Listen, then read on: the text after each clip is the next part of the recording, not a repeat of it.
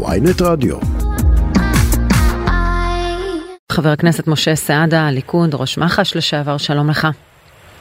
שלום, בוקר טוב וקצת פחות טוב. אה, כמובן משתתפת, מתפלל לשלום הפצועים. בוקר לא פשוט על עם ישראל. כן, נכון. אני רוצים, רוצים לשאול אותך לפני שנתחיל ככה לגעת בענייני מח"ש ואחרים, על הציוץ של חברתך לסיעה, חברת הכנסת טלי גוטליב, כותבת היא מאשימה את נשיאת בית המשפט העליון בפיגוע. אני רגע, היית קטוע? חבר הכנסת כן. סעדה? אני חושב שמי ש... לא, שוב, שוב. יש, לא, לא, יש, איזה, יש איזה משהו שמפריע לנו בקו לשמוע אותך באופן רציף. בוא ננסה רוצה עכשיו. שוב. לשפר ברשותכם. כן. ו- אנחנו ו- נשמח מאוד לשמוע את התגובה שלך. אה, בינתיים אני אעדכן שנשיא ארצות הברית ביידן מתייחס לראשונה למהפכה המשפטית והוא אומר שינויים מרחיקי לכת יש לעשות בהסכמה רחבה. גם לזה נתייחס עוד מעט. אה, חבר הכנסת משה סעדה, אתה איתנו? אמרת, כן, כן. איתכם. אמרתי שמי שאשם בפיגוע, מחבל בשולחיו, ולא אף אחד אחר. עוד אמירות שאני שומע משני הצדדים, כמו אתמול בלילה, יום אחרי פיגוע על... לשירות. רגע, רגע, חבר הכנסת סעדה, אנחנו עדיין. אנחנו עדיין שומעים אותך באופן מקוטע, כלומר, פעם בשלוש מילים אנחנו מאבדים אותך, לא הצלחנו בדיוק אה, להבין את תגובתך לציוץ של חברת הכנסת טלי גוטליב בעניין האשמת אנחנו נשיאת בית מתקשרים המשפט אליך, העליון. אנחנו נתקשר אליך מחדש, נחדש את הקשר. מטלפון אחר, נעדכן בינתיים אה, בדברים של ביידן שהזכרת, אה, אה, נשיא ארצות הברית, ב, ב, לשאלה של עיתונאי ניו יורק טיימס, תומאס פרידמן, על ההפגנות בישראל, עונה כך: החוכמה של הדמוקרטיה האמריקנית והדמוקרטיה הישראלית היא ששתיהן בנויות על בסיס מוסדות חזקים, על מערכת של בלמים ואיזונים, על מערכת משפט עצמאית. חשוב מאוד לבנות קונצנזוס לשינויים מרחיקי לכת, כדי להבטיח שהעם יקנה אותם והם יוכלו להתקיים. אה, אה, בהקשר האמריקני זה מעניין, מאוד הביקורת שמגיעה מכיוון המפלגה הדמוקרטית, אה, לא רק בגלל כמובן השפעתם על, ישראל ועל נתניהו בפרט, אלא בהקשר שגם שם בארצות הברית, בגלל שעכשיו בית המשפט העליון שלהם מורכב מיותר שופטים רפובליקנים, הרי שם מינויים פוליטיים לחלוטין, מינוי- הנשיא, בגלל יותר שופטים רפובליקנים משופטים דמוקרטיים, וזה בעצם הירושה שביידן קיבל מטראמפ, המפלגה הדמוקרטית לא רק מהרהרת אלא ממש מדברת על חלק מהרפורמות שיריב לוין מדבר עליהם, על פסקת התגברות, על שינוי מוסדי כך שיאפשר לקונגרס כן, אבל אפשר להקביל את זה, אנחנו מדברים על מערכת עם בלמים ואיזונים. לא, לא, אני לא אומר שאפשר, אני לא אומר שהמערכות דומות חד משמעית, וההצעה של הקואליציה היא לא להעתיק את הדמוקרטיה או להפוך אותנו למשטר נשיאותי אתה אומר, ושני גם בתים. כשלהם לא נוח הם מייצרים, אבל יש המפלגה הבדל. הדמוקרטית בזמן אמת, תוך כדי שהיא מנסה לחשוב איך להתגבר על בית המשפט העליון שלה, אה, ככה מנסה, נותנת פה שיפוטים על המעשה הזה. טוב, חבר חבר- הכנסת משה סעדה מהליכוד חזרנו ואנחנו מקווים שהקו אה, טוב יותר. שאלנו אותך לגבי הציוץ של חברת הכנסת טלי גוטליב שהאשים את נשיאת בית המשפט העליון בפיגוע. אמרתי שמי שאשם בפיגוע זה המחבל עצמו ושולחיו ולא אף אחד אחר. וביום כזה קשה, לא נכון להאשים אף אחד מצד אחד ומצד שני גם לא נכון להגיד את מה ששמעתי אתמול בערב על קריאה לסרבנות, שמדינת, שהרפורמה הזאת תהפוך אותנו למדינה פשיסטית. אני חושב שביום כזה לרגע... רגע, אבל אל. תקביל, אתה קורא לה לחזור בדבריה- מדבריה? אמרתי, אמרתי, מי שאשם בפיגוע זה אך ורק המחבל ושולחיו, ולא אף אחד אחר. לא, אבל תתייחס כזה- לעובדה שהיא מסיתה נגד נשיאת בית המשפט העליון כשהיא מאשימה אותה, זה לא רק מי אשם. ביום כזה, אני מבקש מכולנו, ביום כזה יש משפחה שאיבדה את שני בניה. מהמם. תעצרו, אחים אנחנו, תעצרו לרגע. תעצרו, תחשבו. אולי ביום כזה הגיע הזמן שנראה את המשפחות, שנראה את האנשים, שנחשוב כחברה, כאחים, איך, איך מדברים. לכן אני אומר, אני מבקש ביום הזה לעצור לרגע, לחשוב ולראות איך מייצרים שיח אמיתי. שיח של אחים. בכל התחומים, גם בנושא המשפטי, אתה בעד אה, הידברות? כל הזמן, כמי שגדל בפרקליטות ומכיר את האנשים וחלקם לא מסכימים לדעה שלי, ואני מכבד את דעתם, אני חושב שהנכון לנהל שיח, ואם היינו מנהלים שיח, כלומר, הטענה של יריב לוין, של שר המשפטים, שהם לא עוצרים כלום, אה, אה, בעיניך זה לא נכון, אתה קורא להידברות.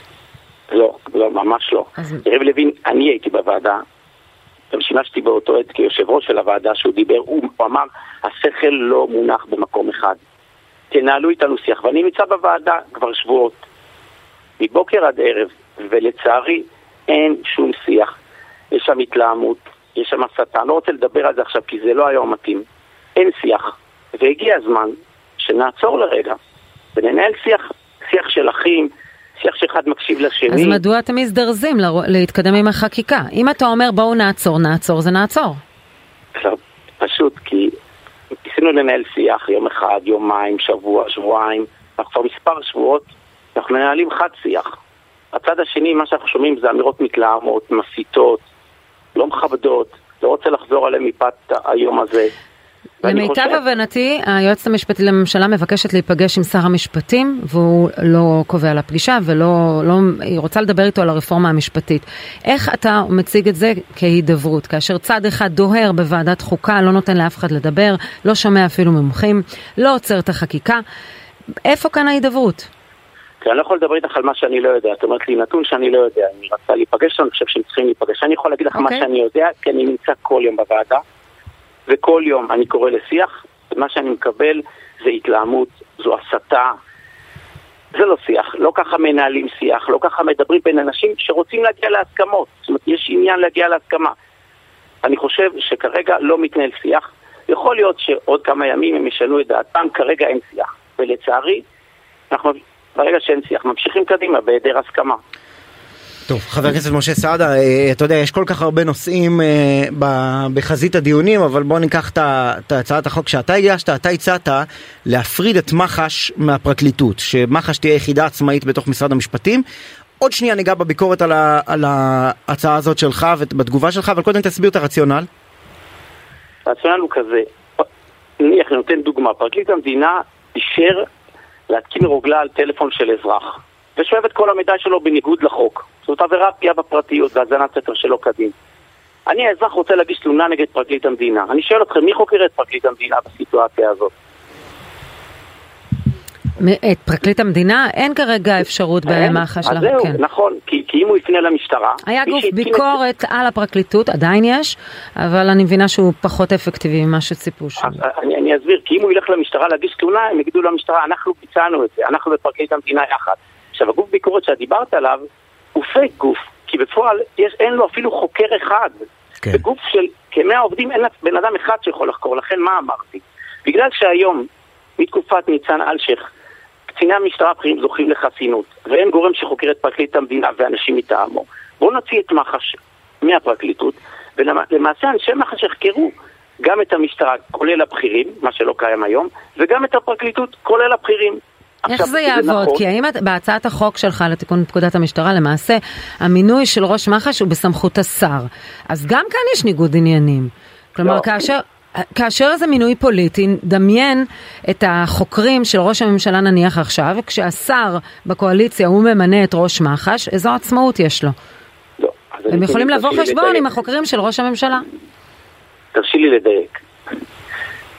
הגוף הזה חייב להיות גוף שחוקר, כי אם, אם חס ושלום בוצע תרגיל אסור בתקין ראש הממשלה, חייב גוף אחר שיאזן אותו ויחקור את הדברים. כפי שאני עשיתי מול משטרת ישראל. מח"ש הייתה כדי לאזן את המשטרה שהיא חזק ועוצמתי.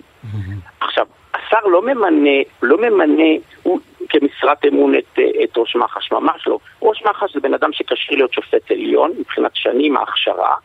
מי שממנה אותו זה ועדה, זה כמו מי ממנה היום את ראש הסנגוריה הציבורית.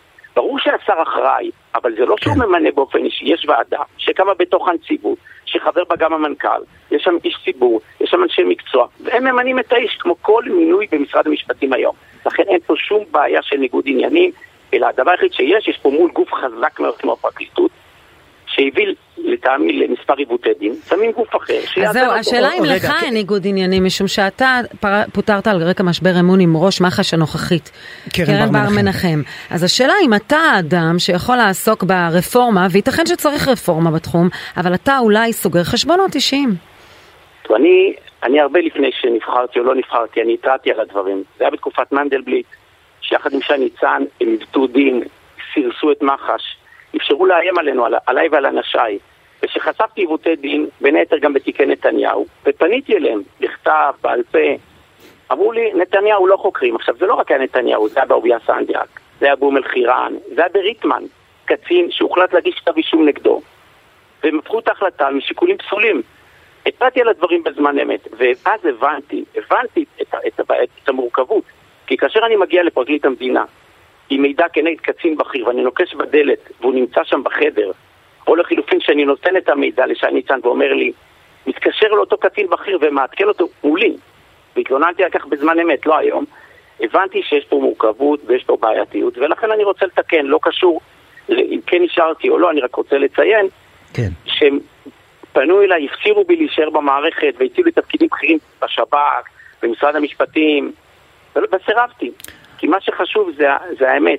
והמצפן הערכי שלי, ולא כן. הסכמתי לקבל את ההצעות שלהם, המפתות מאוד. כן, ראש מח"ש קרן בר מנחם שמעה את הצעת החוק שלך, כינסה את כל, אה, את כל ראשי האגפים, אמרה להם שהיא מנסה להגן עליהם, שזו הצעת חוק נוראית, דלה, שלא מכילה לדבריה התייחסות אופרטיבית לאופן שבו תפעל מח"ש אם הצעת החוק תעבור, והיא אומרת ל, לראשי האגפים, לסגל הבכיר של מח"ש, אני עושה הכל כדי להגן עליכם, אבל שתדעו שזה מה שקורה, ומי שעומד מאחורי זה זה משה סעדה.